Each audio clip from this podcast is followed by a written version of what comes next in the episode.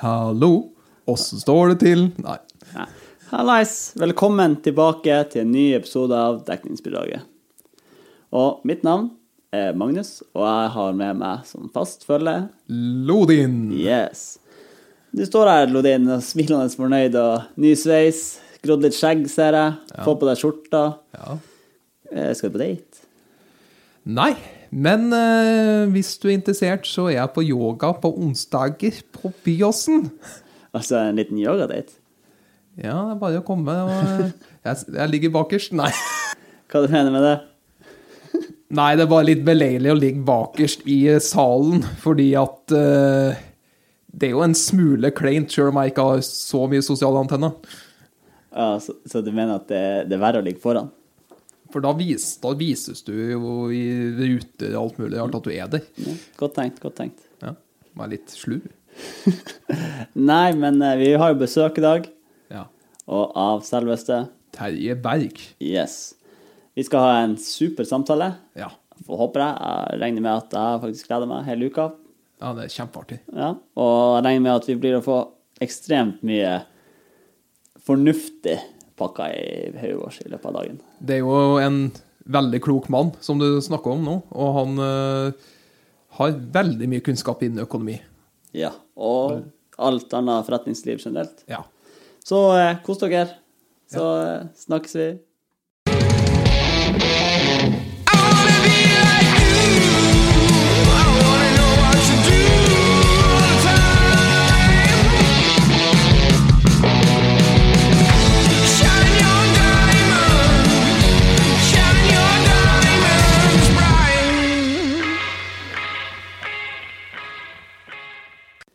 Ja, velkommen til deg, Terje Berg. Jo, takk for det. Vi har da altså ordna oss eh, vår andre gjest. ja. Og eh, du er en gjest som har mye erfaring. Ja da, jeg har jo eh, har blitt etter hvert at han har jobba noen år, og så litt har man forhåpentligvis fått med seg på veien. Ja. Så hvem er, hvem er han Terje Berg? Ja, si det. Det lurer jeg på sjøl innimellom òg. Jeg jobber i hvert fall eh, til daglig som førsteamanuensis på NTNU Handelshøyskolen. Eh, Der forsker jeg og underviser i økonomistyring. Og ja, holder på med litt diverse ting. Eh, jeg før det jeg har vært snart tre år på NTNU. Før det så var jeg sju og et halvt år eh, her på BI Trondheim. eh, Hvor jeg bl.a. tok eh, doktorgraden min innenfor økonomi. Og ja, Før det så har jeg jobba som økonomisjef i en diverse trondheimsbedrifter, bl.a. var sju år i et forsikringsselskap. Så det har da gått i litt diverse ting innenfor økonomi, da. Ja, du har lang fartstid og mye erfaring. Ja, det er faktisk 30 år siden jeg var russ i år, og ja, 23 år siden jeg begynte å jobbe. Så tida har begynt å gå. Ja, den Bare innse det. Ja, men det er jo supert. Og du trives fortsatt like mye som da du starta? Ja, definitivt. Jeg har eh, funnet, jeg har alltid hatt eh, veldig OK jobber. For så likt å gjøre litt forskjellige ting. Og, men jeg har virkelig kommet hjem når jeg er innenfor akademia og kan holde på med undervisning og forskning. Det, det trives jeg veldig stort med. Og så har jeg for så vidt en tilnærming hvor jeg jobber en del med lokale bedrifter særlig, da, så at jeg får, eh, har en fot i teori og praksis, som det kan kalles. da. Ok. Er det noen del av dem du trives best med?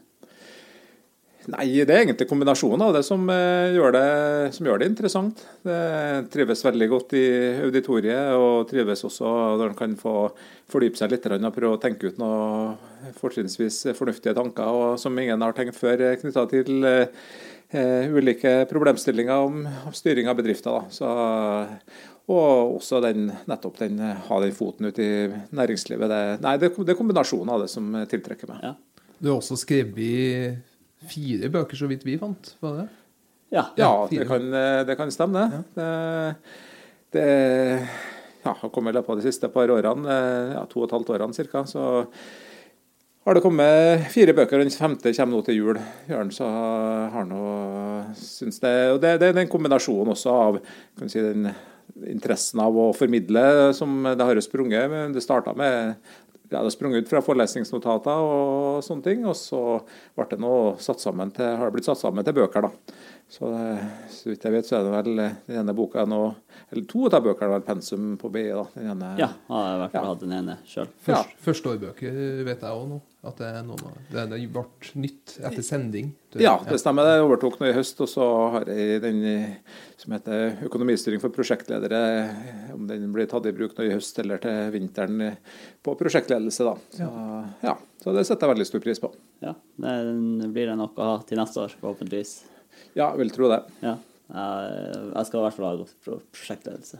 Mest sannsynlig. Er det valgfag? Er det mulighet Ja, det er valgfag. også? Ja. Mm. Ja, det er vel eh, fordypning eh, på tredjeåret, ja. Så blant annet, da. Ja. Mm. Når du, når du skriver de bøkene eh, for, for mange studenter, sånn, i hvert fall førsteårsstudenter, når de starter opp, så er det veldig nytt økonomistoff for de fleste. Og da begynner å lese, altså å lese i en sånn faglig bok, da. Hvordan er det å skrive en sånn bok?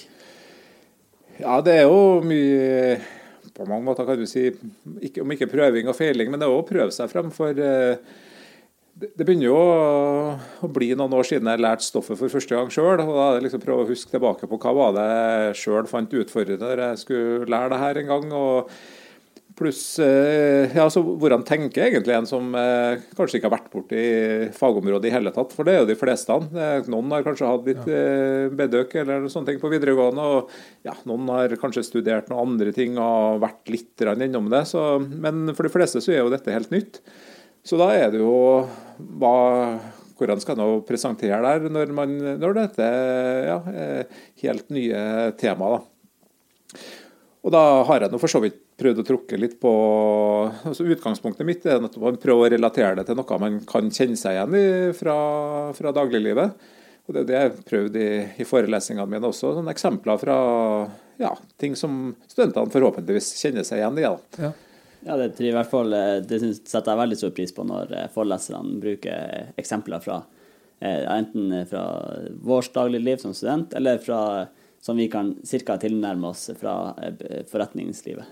Ja, jeg tror det, det er nok den beste måten å, å lære på, da, så at det ikke blir bare det man kan kalle litt sånn svevende teori, da, men at nettopp man kan knytte det til noe man kjenner igjen. Da. Så ja, Enten som sagt i egen hverdag, eller noe som i forretningslivet som man har en mulighet til å trekke noen paralleller til. da. Jeg husker spesielt godt da, da jeg gikk i 2013. Da du tok fram det eksempelet med at du tok eh, dongeribukse. Jeg tror du brukte det. altså Du Ja, det- nevnte i hvert fall. Ja, det stemmer nok det. Det er eh, brukt det i mange sammenhenger. Eh, jeg har, når jeg har tatt inn det eksempelet i boka, så jeg har ikke brukt det i undervisninga. Jeg må jo la det hvile litt, men jeg har eh, eh, Det er et eh, Jeg har brukt det for noe eh, videregående elever så sent som her i september. Så det er et eksempel som eh, jeg jeg mener å ha plukka opp at det slår ganske bra an. for Ja. Eh, I bukse, De fleste eh, har nå på seg bukse, eller har hatt på seg bukse en eller annen gang. og da, da er det jo noe man kjenner til, og det er noe man kan vise frem og ta og føle på. og Da har jo brukt det til å utarbeide en kalkyle sammen. Da, og for det er jo introduksjonen til kalkyler som har eh, vært liksom den dongeribuksa. Og da er det ja, da Erfaringa mi det har at de har engasjert, og for ja, alle alle kan bidra med et eller annet. Og så er det noen litt sånn artige momenter inni der da, som gjør at man får da aha-opplevelser. F.eks. hvor mye tråd som egentlig går med for å sy bukse. Da. Så Ja. det, det er sånn som sånn ingen, ingen egentlig tenker på. ingen tenker over. Jeg var ikke klar over det sjøl heller, før jeg eh, fikk vite det. da. Og da, da, får, da, skaper man et engasjement rundt det, og, og da er nå, innbiller jeg meg at det er en sånn fin innledning til hvor man går over liksom i litt mer sånn det generelle, det vi kan kalle lærebokoppsettet på ting. da, så, Ja. Og når man da bruker de eh, mer eh, ja, faste begrepene, sånn, heller generelle begrepene, så kan man og da likevel overføre det. Ja, men hvis vi tenker buksa, så ble det jo ja, direkte material. Ja, ja, det er riktig. Det må jo være stoff i bukse. og Ja. Ja, direkte lønn, det er noen som skal sy den buksa. da, så for Bare hører man direkte material og direkte lønn uten eh, noe sammenheng, så blir det litt gresk, eh, kan det fort bli. da. Så, så, det er det som har vært tanken min. og så prøvde å ha noen sånne eksempler. Da, så at man kan, så jeg er glad i undervisningssammenheng så er jeg glad i, i kaffe og i buksa. Men for det er, liksom, det, det er noe de fleste kan relatere seg til. Ja. Og i tillegg så er det Det kan av og til kan virke banalt, men nei, det er faktisk ikke det. Det, det, det er sånn som brukes i bedriftene til daglig. Da. For det er jo økonomi i alt, som, som de sier BI sier det blant annet. Ja, at alt er økonomi. Alt er økonomi. ja, det er jo det på sitt vis. For, for, økonomi det handler jo om det er jo læren om forvaltning av knappe ressurser. Og vi har nå De aller aller fleste ressurser på jorda her er jo knappe. Og dermed så blir det meste økonomi. og så I en eller annen variant så handler det om å ta gode valg eh, basert på de, de ressursene vi har tilgjengelig, eh, og, og, at vi da bruker dem på en fornuftig måte. Og Så er det jo for så vidt opp hva definisjonen på hva som er fornuftig bruk og ene med andre, det vil jo være eh, veldig individuelt. Men uansett så er det en økonomisk tankegang eh, som ligger til grunn for enten at man eksplisitt, eh, som så fint heter, tenker på det, eller at det ligger mer implisitt i, i, i, vurderingene. Så, men det koker ned til økonomi. Det gjør det enten man vil eller ikke. Så som jeg bruker å si, da, at eh, man ofte hører man også denne blårussen finner på sånn og sånn, men eh, jeg kan si at man skal være blåruss og stolt av det. For det er nemlig vi som setter prislappen på, på disse valgene. og det er jo det er jo det som nok gjør en del økonomer upopulær ved at nettopp at man sier at ett alternativ koster så mye, og det andre alternativet koster så mye. Eh, men eh, jeg syns vi er tøffe som faktisk eh, tillater oss å heller faktisk prøve å synliggjøre at ja, valg har en pris, og, og det må synliggjøres, da. Ja. Vær litt tøff. Vær litt tøff, rett og slett. ja. Men, men, siden du bruker, har, bruker og har brukt det bukseeksempelet, ja. Er det fra at du har vært med i en slags oppstartsprosess på Livid? Ja, det, det stemmer nok. Eh, eh, jeg hadde en eh, student i, tilbake vel i 2011, tror jeg vi snakker. ja. Så, eller jeg var ikke klar over det, hvem han var akkurat der og da, men da var det ved en så, så nevnte jeg knytta til ulike markedsformer, altså markedstilpasning, at hvordan, eksempel på monopolistisk konkurranse. at eh, altså Dette med merkevarebygging, hvordan man skaffer seg sin egen lille nisje. Da, men bukser som kunne være sydd av samme folkene på samme fabrikken med samme stoffene, kunne ha ulik pris. fordi ja, Enten det sto Armani, eller om det sto hva det sto på, på patchen på baksida av buksa. Og Da var det en som kom fra og var veldig interessert og nysgjerrig og sånne ting. da, så Eh, Snakka litt om det der, da, så tenkte ikke noe mer over det. Og så eh, litt senere på vinteren så var det en reportasje vel i ja, vel faktisk i Dagens Næringsliv, eller om det var Adresseavisa, det var en av dem. Eh, om eh, som heter Jens Stankertsen, da, som eh, drev og sydde sine bukser. da. Så tenkte jeg ja, ja, her, han har jo, går jo han har jo sett han, eh, at han var student på BI også. Ja.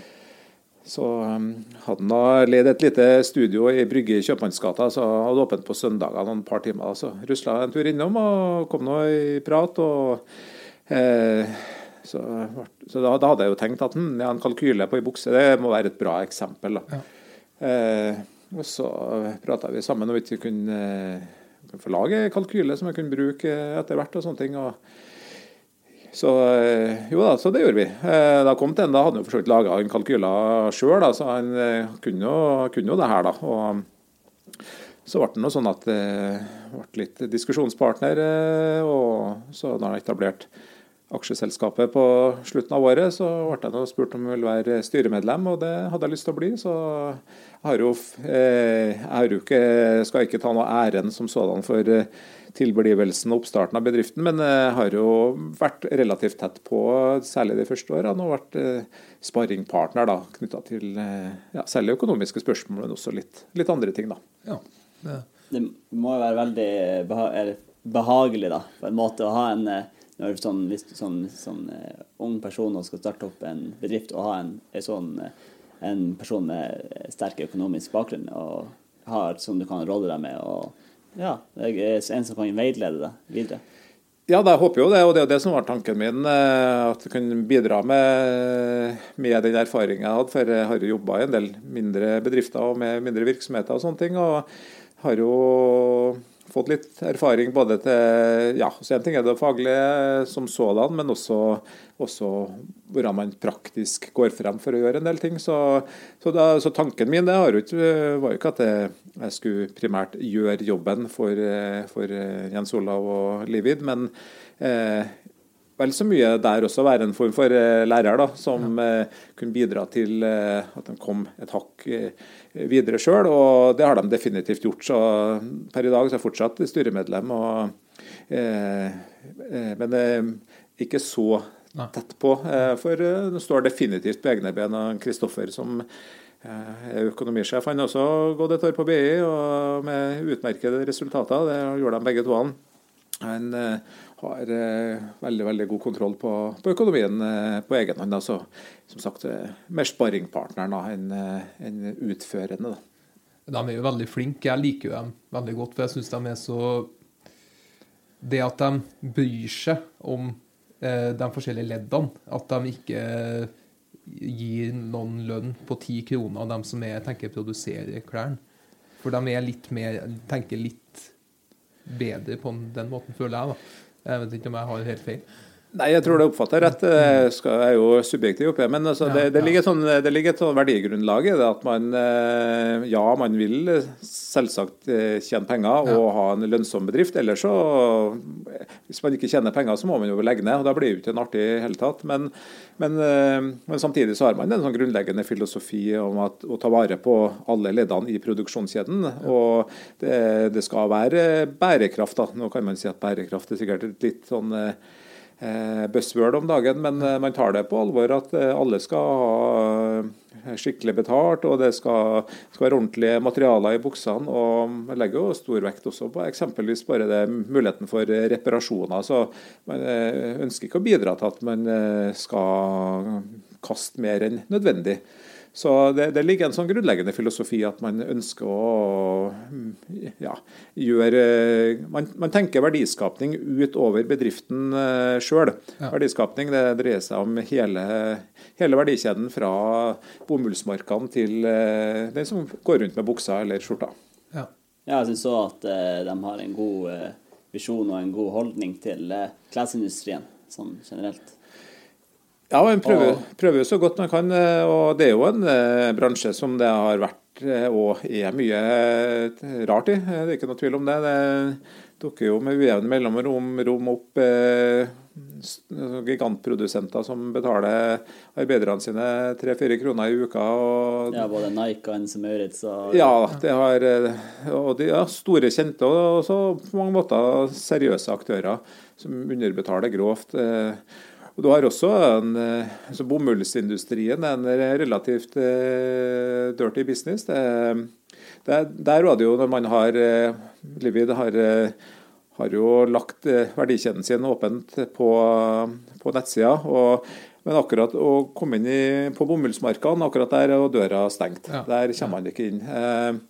Det, er- altså det er en voldsomt vannkrevende produksjon, og det er, mye av produksjonen foregår i diktaturer. Det i Zimbabwe og Aserbajdsjan, og- men også for den saks skyld i USA og Tyrkia. Så det er, ikke, det er mye forskjellige land, men eh, eh, Så der, eh, der er det vanskelig tilgjengelig. Men så man gjør sitt beste for at det både skal være gjennomsiktig, for kan si, har forbrukerne innsyn i det som skjer, så blir man skjerpa, og det kan da motvirke eh, de mest negative til, eh, forekomstene innenfor bransjen, og kanskje kan snu det også, da.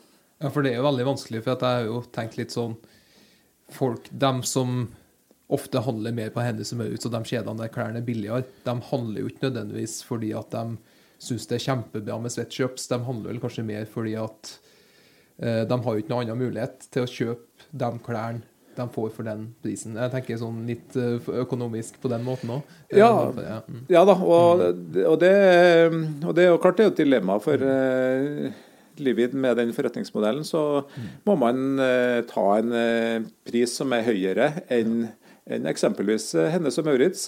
Og alle har ikke råd til det. det og det, sånn, er, sånn er verden. Ja, ja. Så, så, det er et sånt dilemma at man vil jo man vil jo gjerne gjøre godt for så mange som mulig, men alle har dessverre ikke den samme muligheten til å komme inn i, den, i det segmentet. Da. Der igjen er det vel Eh, da har vel de valgt ut sine kunder. da.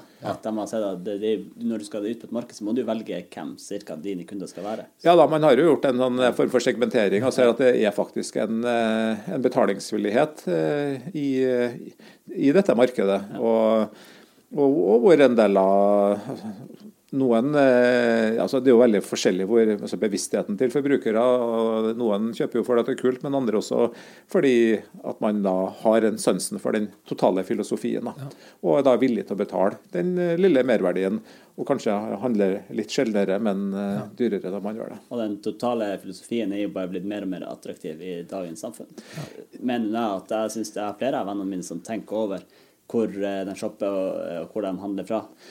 Ja da, det er nok eh, Så det er jo en sånn eh, en, eh, en positiv sirkel ved at, ved at man da tenker bærekraft og litt ja, utvida verdiskaping, så, så vil jo det kunne påvirke positivt på at man trekker, tiltrekker seg kunder på den måten. Slik at man da får muligheten til å videreutvikle dette. Så det er jo en man, man, gjør det jo ikke utelukkende bare for å være av sitt hjertets godhet, men man gjør det også fordi at man ser at det virker positivt. Men det ene utelukker ikke det andre. Det gjør du ikke. Annen, Jeg merker at det er et annet miljø når du kommer inn i butikken, eh, bl.a. i Trondheim. For at du, du, kommer inn, og så får du en kaffekopp, og så er det mer en sånn hyggelig, rolig prat, i stedet for sånn Du vet, i Tyrkia, når de huker deg inn det, du får liksom en bedre følelse, føler jeg, da, enn når jeg er på et shoppingsenter. Blant annet.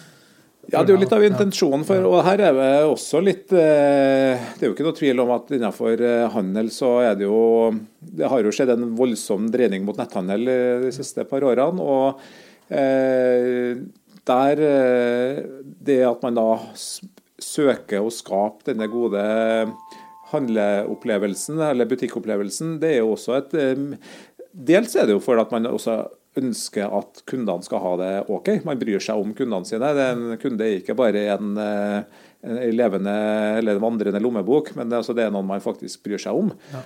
Eh, men i tillegg så er det også da, et, det er et viktig virkemiddel for å tiltrekke seg kunder i fysisk butikk eh, kontra det utelukkende å handle på, på nett. Ja. Så det, det, er jo et, så det er også en sånn todelt greie. Så, som sagt, en kombinasjon av at man eh, syns faktisk det her er litt OK.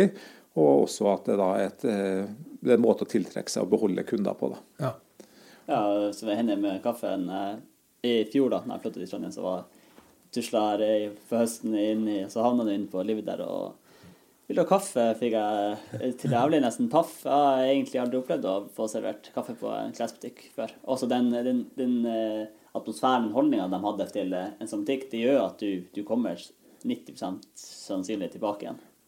Ja, det, det, er nettopp det også. At eh, det er veldig, veldig bevisst at eh, atmosfære det, det, er noe da som eh, binder kundene til seg. Så det er ikke en sånn, Men som sagt, det er ikke en sånn kynisk hvordan kan vi tilsynelatende få kundene til å føle seg hjem. Men det er en, det er en genuin interesse av at vi er på lag med kundene våre. da. Ja, det, det, får man jo til å føle seg. Og det, det hadde vært lett å gjennomskue òg hvis de hadde vært Hvis det hadde vært falsk eh, når man hadde kommet inn eh, ja, på en måte Ja, jeg tror, ja, jeg tror ja, egentlig det. Også at man blir, man blir gjennomskua hvis det, det, her eh, bare er eh, fasade. Eh, man bare sminker brura, rett og slett. Så blir man, da faller man gjennom. Og nå har jo ja, den spede begynnelsen eh, til Jens Olav den er jo faktisk åtte år. Eh, og Butikken i Trondheim den eh, ble etablert for litt over fire år siden. Ja. Så, og Da begynner man jo å ha bestått syretesten at det her er faktisk noe genuint. Ja. Så, og nå i Oslo. Og Oslo den ble åpna i fjor sommer. Eller på, rett ved skolestart i fjor. Og der går det også veldig bra. Men har jo faktisk ja, Her i Trondheim eksempelvis nå, så har jo handelen Det har vært veldig mye snakk om handel og Midtbyen det siste året særlig. da. Men, og blant butikker så har gjennomsnittlig handel gått ned. Ja. Men Livid har faktisk økt. Så det er jo det er jo noe definitivt å ta med seg i Det er en negativ trend på, på handel i Midtbyen. Ja. Og da gjør man antageligvis noe rett, eh, definitivt. Det har, vel, ja. det har vel med at de er veldig forskjellige fra, fra typiske eh, klesbutikken. Ja, ja da, ja, ja. man skiller seg ut. Man har jo noen andre butikker også, som altså eksempelvis Retro, som også er litt annerledes. Men det, de er annerledes enn Livid igjen. Men ingen, eh, ingen av dem er jo som de, de, store kjedene. Da. Så du får nettopp den litt unike handleopplevelsen. Og enten man vil eller ikke, men sånn, det å ha en god shoppingopplevelse det er jo viktig for oss. Eh, det er en del av eh, hverdagen der, rett og slett. Ja, definitivt. Ja. Jeg, jeg, vet ikke om det er en mandig greie, men jeg føler sånn at eh, Eller det kan være personlighetsmessig òg, men jeg blir stressa av handelen til vanlig. og Det er derfor jeg syns jeg liker dem så godt. Ja. ja, jeg tror nok det er uh, Uten å ha noe detaljkunnskap om sånn kjønnsbasert shopping, men uh, jeg tror nok du er rett. Også, eller det er da uavhengig Kanskje overvekt av menn syns det liksom uh, Ja det er noe shopping eller kleskjøp det er noe man bare vil gjøre kjapt unna, og helst ikke bli belemra med altfor mye hva man skal prøve og ene med andre og hvordan ting ser ut. Og, og, Da tror jeg det er en viktig greie da, at, jeg tror at man kommer inn på livet. Så at eh, ja, man eh, senker skuldrene, da. Så ja. føler at det her får jeg jo faktisk gjort det i fred. Og om man eh, ikke kjøper og kommer tilbake kanskje senere, så er det liksom helt greit også. Ja. Så man blir ikke eh, tvunget gjennom noe. Men eh, det er jo igjen det berømte også at eh, ting henger jo sammen. Man eh, senker skuldrene, og da øker det kjøpssannsynligheten også. Så, ja. ja. Men siden du sitter jo i et styre, da ja. i livet. Og i andre bedrifter også? Ja, per i dag så har jeg et annet styreverv sitt i styret nå, som heter Medicus, som er et kvinnehelseforetak her i Trondheim. Okay. Men for det jeg lurer på, jeg har hørt flere som sier eh, de sitter i et styre, de er styremedlem. Eh, styre. Men hva, hva, vil det si å være et styremedlem? Hva, hva, er dine oppgaver? Jeg vet at du skal passe på at eh, daglig leder og Men ja. hvor mye, hvor mye, hvor mye liksom involvering har du i en, eh, en bedrift? da? Det varierer veldig. Altså, styret er jo det, øverste administrative organet i, i, bedriften. Det er jo general, eller et aksjeselskap. Da, eh, og har jo eh, etter aksjeloven en del plikter, og at man altså skal se til at at man driver etter lover og regler, og at det, ja, alt driftes på en forsvarlig måte. Veldig mye er jo delegert til daglig leder, som må omsette det her til praksis. Eh, så, men hvordan det utøver Det eneste oppgaven som et styre må sørge for å gjøre i løpet av et år, det er faktisk å vedta årsregnskapet. Eh, og eh, så hva man faktisk gjør, det varierer veldig fra bedrift til bedrift og styre til styre. Det, så det blir veldig sånn personavhengig hva, man, hva bedriften sjøl ønsker, og hva styremedlemmene ønsker. Så det finnes nok av styrer hvor man har eh, en del sånn Tordenskjold-soldater som bare syns det er OK å ha det på CV-en, som ikke gjør så veldig mye. Ja. Eh, og, men til eh, styrer som er mer verdiskapende, så det styret på Litt forenkla så kan man si at styret bør jobbe i to akser. Det ene er å ha kontroll. Ja. At ting blir gjort riktig og ordentlig på en skikkelig måte. Og det andre er at man eh, jobber med strategien, altså å utvikle bedriften. Og du trenger ikke et styremøte å være bygd opp sånn at man gjør begge deler hver eneste gang. Men, eh, så det vil kunne variere litt. Men eh, så et man kaller gjerne et verdiskapende styre, prøver å balansere dette med at man eh, okay, holder daglig leder eh, litt i ørene. at eh, har du sjekka slik og slik og slik? Og veldig mye det tar utgangspunkt i regnskapene. Derfor er det viktig for et styremedlem å kunne lese og forstå et regnskap. Da. Så Enten man går økonomi eller markedsføring, eller hva man nå enn studerer, og hva man eventuelt kan få havne i jobb, så er det er det veldig lurt faktisk å ha forstått sånn eh, hovedtrekkene i hva et regnskap inneholder. For det, det, er man personlig ansvarlig for. Eh, selv om man er valgt på vegne av en forening eller hva det måtte være, så, eller andre, eh, andre aksjeselskaper, så er man personlig ansvarlig. Det skal veldig, veldig mye til for å bli straffa hvis man gjør jobben sin. Det er lov til å gå konkurs, det er ikke noe galt med. Men så er den andre biten som går på det, det strategiske, da. Så hvor, hvor, vil vi hen? Hvor bør vi gå? Eh, det er strengt tatt det som nok bør være den eh, viktigste jobben for, for styret. Å bidra i diskusjoner i så måte. Ja, men liksom, eh, ja, ja for at det det er meget lærerikt det du sier. Også det jeg lurer på Blir du valgt inn i et styre? Blir du liksom headhunta? Spør du om å få være med i et styre? Hvordan, du, hvordan blir du sittende i et styre? det er nok eh, flere varianter. Eh, man, altså man, som ofte så blir man nok spurt. og Der, der er det jo litt sånn Noen får noe sånt navn, etter hvert så baller det på seg. Men også går der, som i mange andre sammenhenger så går det jo litt via bekjentskaper. At Jeg har hørt at ja, Lodin er en bra fyr, så han bør sitte i styret her, f.eks. Så, så det, og så blir man da spurt eh, om kunne du tenkt deg å ta et, et verv i, i styret i bedriften vår. Eh, men det er også en del eh, rekrutteringsfirmaer som nok har en sånn database over folk som har sagt de kan tenke seg å være styremedlemmer. og Ditto næringsforeninger opererer med vel det samme så vidt jeg vet, for eh, potensielle kvinnelige styremedlemmer, som man har prøvd å få opp andelen av de senere årene. Så, eh, og, og, noen er nok eh, det har også vært ute, det er nok ikke så vanlig, men noen har nok vært på salgssida sjøl òg. At eh, jeg bør sitte i styret deres.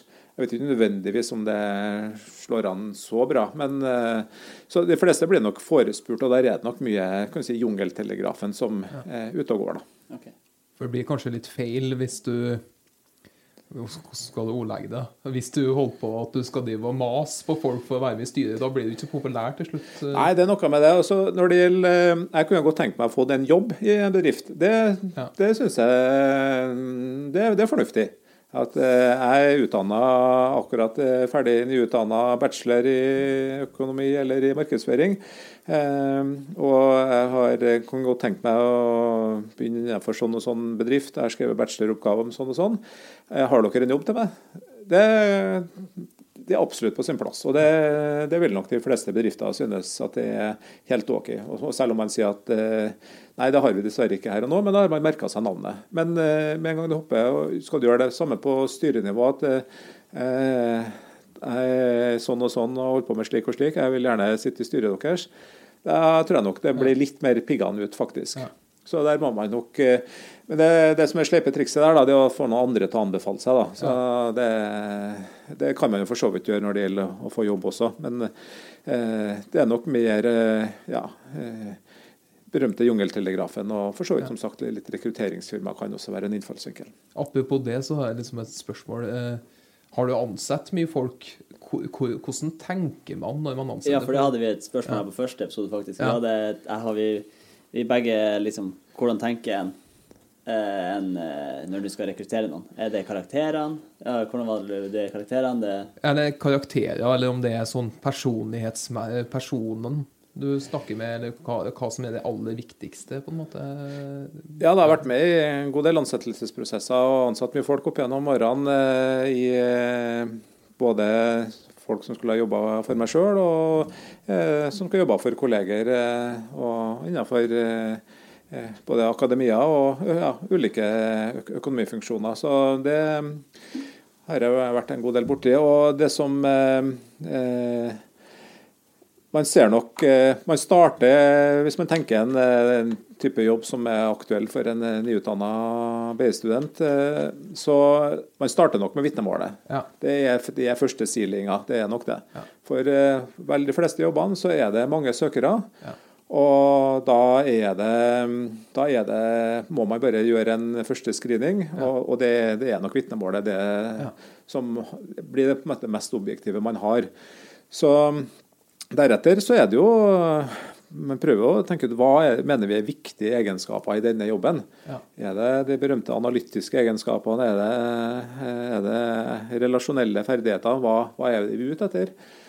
Og, og det, det, kommer deretter. Og noe av det kan man jo lese ut gjennom CV-en, at her har man jo holdt på med slik og slik. Og så er det å intervjue deretter, da. Og I en intervjusituasjon det, det, skal man nok ikke undervurdere. for Der går veldig mye på si, magefølelse og, og kjemi. Eh, nå kan jo det kanskje gi eh, feil utfall, for alt jeg vet. Det er helt sikkert forska på det òg. Men, eh, men, det er nok det som blir mye lagt vekt på at eh, nei, han der han eh, fikk jeg det helt ikke til å stemme med. Ja. Og da er det Det kan være at det kan være en tabbe. Men det er ofte det det koker ned til. Da, hvordan, når man er kommet så langt til et intervju, hvem har jo den beste feelingen med, rett og slett. Det er, så, men, det er magefølelsen som bestemmer? Egentlig. Ja, det er nok mye det også. Og eh, for en nyutdanna en, så i tillegg til karakterer, så ser man jo på andre aktiviteter. Ja. Eh, der eh, er det ikke om å ha lest på for mye. at eh, Har man eh, en eh, haug med verv, så kan nok det bli oppfatta nettopp som at man er mer CV-jeger enn at man kanskje har Ja, hvor mye har du egentlig fått fordypa deg i de forskjellige ja. tingene? Hvor mye har du bidratt med? Eh, så det er, eh, man, det er, jo fint at man er engasjert og vil bistå. og Har man en genuin interesse av det, så er det flott, men ikke, man bør ikke gjøre det eh, hvis man mener, altså med den tro at det er det som skaffer en en jobb i, i seg sjøl. Eh, men det vil også gjerne bli tatt opp og kunne bli, bli fort gjennomskua på, på, et intervju. Men folk som har jobba noen år, dem kan jo kan det hende at man får jobb. Det er kanskje litt sånn at man har nettverket, og så får du jobbe pga. nettverket. At det ikke går den vanlige veien. Den, eh, ja, det er, mener jeg har hørt for uh, noen år siden at ja. ca. 30% av alle jobber ble utlyst. Ja. Og det vil si så 70 er det under isfjellet, under havoverflata, som da skjer via bekjentskaper og nettverk osv. Så så det, og det, det, er klart at det er jo den eh, ulempen når en er nyutdanna, eh, at man ikke har det nettverket nå. Ja. og da er det jo viktig å hvordan man skiller seg ut da, på, i, i, positiv forstand. Så det, ja, og det vil være så det er så enkelt og så vanskelig som en kombinasjon av, som sagt, av karakterer og litt eh, annen erfaring. Og der er det jo, Man har jo muligheten til å skaffe seg litt, eh, i den grad man kan prøve å eh, skaffe seg en liten profilering gjennom eh, det man skriver av eh, prosjektoppgaver, bacheloroppgaver osv. Ja. Det kan være det lille som eh, slår ut til sin favør. Ja, fordi at vi er jo en veldig konkurransedreven eh, utdanning. Eh, økonomi er jo flere tusen sånn eh, utdannelser hvert år. Og, og, det er jo ikke nok jobber til absolutt alle, på en måte. Nei, jeg har i hvert fall ikke jobba innenfor Forhåpentligvis får alle seg jobb, men det er ikke nødvendigvis det man hadde sett for seg, og som man Nei. heller strengt tatt trenger utdanninga for, å, for å være i stand til å løse. Så, så det, det, er en tøff konkurranse. Det er jo man kan vel bli bachelor i, i ØKAD og tilsvarende på ca. Ja, mellom 30 og 35 plasser her i landet. Så det er mange tusen som utdannes hvert år. Så dette er trangt nåløye vil det bli, ja. Ja, og sammen når vi diskuterte det, så snakker vi om liksom, skole. Har det, har det, mye å si? Er det Trumf B i NTNU, eller motsatt, eller? Tror du, har det noe? Eh, tidligere så hadde nok ikke ikke skole så mye å si eh, i Jeg vet at hvis du går på Gløs, ja. så da trumfer du, kan du, da går du ja. over det meste i ja. landet. men jeg tror, eh, jeg mener og har erfart at de senere årene så eh, betyr studiested mer og mer. NHH har definitivt en eh, voldsomt sterk posisjon. og BI har også en veldig sterk posisjon, og NTNU har jo det også. Så, sånn som For egen del på NTNU Handelshøyskolen eh, har nok fått et eh, om mine kolleger er enig eller ikke enig, men min påstand er at man har nok har fått et løft fra man var en del av Høgskolen i Sør-Trøndelag, til man ble en del av NTNU-paraplyen. Ja, for det Så, ja, det har nok et, NTNU har nok et solid merkenavn. Så jeg tror nok at utdanningssted er, er viktig, viktig, og viktigere. Ja. Har man et vitnemål fra, fra BE eksempelvis, så vil nok det trumfe de aller, aller fleste andre økonomiutdanninger ja. i Norge, definitivt. Men jeg tenker, hvis man, hvis man er så tøff da at man tør å starte og skape sin egen jobb, sånn som eh, Jens Olav har gjort blant annet. Da, da Ja, hvis du gjør det rett, da, så klart. Da kan du jo skaffe deg en jobb utenom eh, Men det er kanskje ikke så lurt å starte med det med det første, med mindre du har en god plan. Eh, ja, både ja og ja. Eh, så det er kanskje ikke så lurt å starte med det første. Men har du en god plan, så definitivt. Og eh, mitt eh, ønske, og det er jo litt eh, ja, sånn liten baktanke med det jeg driver og både har med i lærebøkene og snakker om undervisning og sånne ting om eh, de små småbedriftene, så jeg har jo et eh, ønske om at eh, mange flere nyutdanna enten kunne starta opp egen virksomhet, eller kunne ha søkt seg jobb i relativt nyoppstarta virksomheter. Selvsagt er det en risiko forbundet med om man får utbetalt lønna for den saks skyld, og kan gå konkurs og ene med andre. Men eh, jeg syns altfor mange begynner innenfor eh, bank, eh, bank og forsikring. Det syns jeg. Det er absolutt mye interessante og gode arbeidsoppgaver der, ikke det? Men som en jeg har sittet i styret på DIGS, som er et gründerfellesskap, og som en som starta opp bedrift der, sa at det er ikke noe risiko forbundet med å starte virksomhet i Norge. Altså, Hva er det verste som kan skje? Ja, Det aller verste er jo at man kanskje må motta arbeidsledighetstrygd fra Nav en periode. og eh, i, ja, Selv om det kan høres litt eh, arrogant ut, men jeg kan også få meg en butikkjobb. altså Ja. Berømte kassa på Rema. Nå skal jeg ikke snakke til den type jobb i det hele tatt, men, men altså det, er, det er risikoen forbundet med å starte opp noe eller jobbe i en oppstartsbedrift i Norge, den er ikke så stor som vi vil ha det til. Og har full forståelse for at man kanskje begynner å etablere seg med familie og en av andre og sånne ting. Så man er jo avhengig av disse inntektene. Men eh, hvis man eh, kan si, er bare bevisst hva man gjør, så jeg er helt sikker på at det vil gå veldig bra. Så jeg, jeg er jo altfor eh, lite kreativ og for pysete sjøl til å starte opp noe. Men det er derfor jeg prøver å bidra litt eh, gjennom ja, disse styrevervene som jeg har og har hatt, og litt gjennom litt sånn konsulentvirksomhet. Da. Ja, for du må være en type person, eller ikke, men du må være en type person til å tørre å hive deg ut i havet og, og møte de bølgene som skal komme mot deg i, i oppstartsfasen. Ja, definitivt. Det, du må ha et, jeg tror du må ha et lite sånn eh, strikkhoppergen i deg. og sa at eh, her, eh, her kjører vi på. Og kan du si, evner ikke helt å se motforestillinger og så videre. Så at du det her, eh, Du har bare sånn utrolig trua på at det her er det den som får til beste verden. Det tror jeg man må ha. Så, men sånn som f.eks. Eh, eh, i Libid, så Jens Olav var en sånn type som har det genet i seg. Samtidig så er det noe med teamet rundt seg. Kristoffer som er økonomisjef, han eh, har nok litt av det i seg. Han er tidligere profesjonell pokerspiller. Men uh, samtidig så han, han har den eh, voldsomt ryddige eh, og eh, orden, ordens, eller ikke ryddig en sola også, men eh, ordenssansen i seg. For, eh, og det er en voldsom bra match, da, hvor ene bare mokker på og ikke ser noe problem i det hele tatt, og den andre en, ja, men hør her, kanskje vi skal tenke på sånn og sånn også. Og det, og så, og det klarer de å kombinere så at det bare blir enda bedre ut av det. Jeg har en liten ambisjon, eller Ja. liten, liten, har en ambisjon om å starte noe en gang. Det er derfor jeg tok opp det. Ja, det høres eh, veldig bra ut. Det er Ja, Norge trenger jo nye bedrifter hele tida. Definitivt. Så, nei, så der eh, benytt sjansen gjennom studiene. og så Begynn allerede i ulike sånn, prosjektoppgaver og, og teste ut ideer og sånne ting. Så det er, er veldig, veldig lurt. Ja. Så, og det er kjempepositivt. Norge trenger nye bedrifter. ja. Så, og BI-studenter har eh, på mange områder de beste forutsetningene for å kunne gå i gang med det også.